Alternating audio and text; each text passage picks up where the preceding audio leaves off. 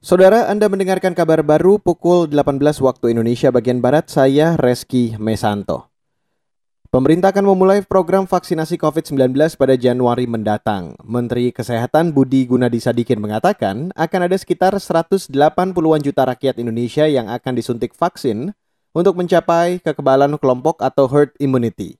Jadi tahap yang pertama akan dilakukan adalah vaksinasi ke tenaga atau petugas kesehatan, health workers. Di Indonesia ini ada 1,3 juta orang di 34 provinsi. Tahap kedua kita akan berikan ke public workers atau petugas publik. Ini sekitar 17,4 juta orang. Kemudian tahap selanjutnya adalah masyarakat lansia di atas 60 tahun yang jumlahnya sekitar 21,5 juta orang. Menteri Kesehatan Budi Gunadi Sadikin mengatakan untuk dua kali dosis penyuntikan dan stok cadangan dibutuhkan sekitar 426 juta vaksin. Kebutuhan vaksin itu akan dipenuhi dari perusahaan Sinovac, Novavax, AstraZeneca, dan Pfizer. Kita beralih ke lantai bursa, saudara. Indeks harga saham gabungan atau IHSG sore ini ditutup melemah akibat tekanan aksi ambil untung para investor. Mengutip data RTI, indeks ditutup melemah 57,38 poin atau 0,94 persen ke posisi 6036.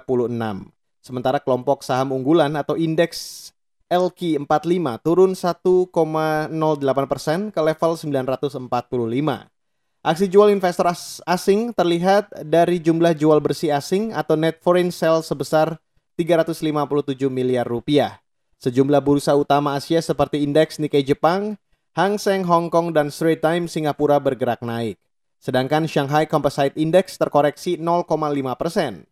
Sementara data RTI memperlihatkan rupiah menguat tipis 0,30 persen dan diperdagangkan di posisi 14.087 rupiah per 1 dolar Amerika Serikat. Saudara, lima daerah di Jawa Tengah menutup total seluruh objek wisata selama libur Natal dan Tahun Baru. Kepala Seksi Destinasi Pariwisata Jawa Tengah, Riyadi, mengatakan, lima wilayah itu antara lain Jepara, Pati, Demak, Purworejo, dan Rembang. Jumlah yang ditutup sekitar 80-an objek wisata tarik wisata dari 690 kemudian 4 persen itu yang ditutup selama uh, libur ini. Itu kami sampaikan ada beberapa kabupaten yang sudah mengeluarkan baik surat himbauan atau surat edaran bupati seperti Jepara, Pati, kemudian Demak, Rembang itu menyatakan sudah tutup total, kemudian Purworejo itu juga tutup total 24 sampai dengan tanggal 27 untuk libur tahun baru ditutup uh, sejak tanggal 31 sampai dengan ada yang 2 Januari, ada yang 3 Januari. Kepala Seksi Destinasi Pariwisata Jawa Tengah Riyadi mengatakan daerah lain masih membuka objek wisata di libur akhir tahun, namun dengan penerapan protokol kesehatan ketat. Dan saudara, demikian kabar baru. Saya Reski Mesanto.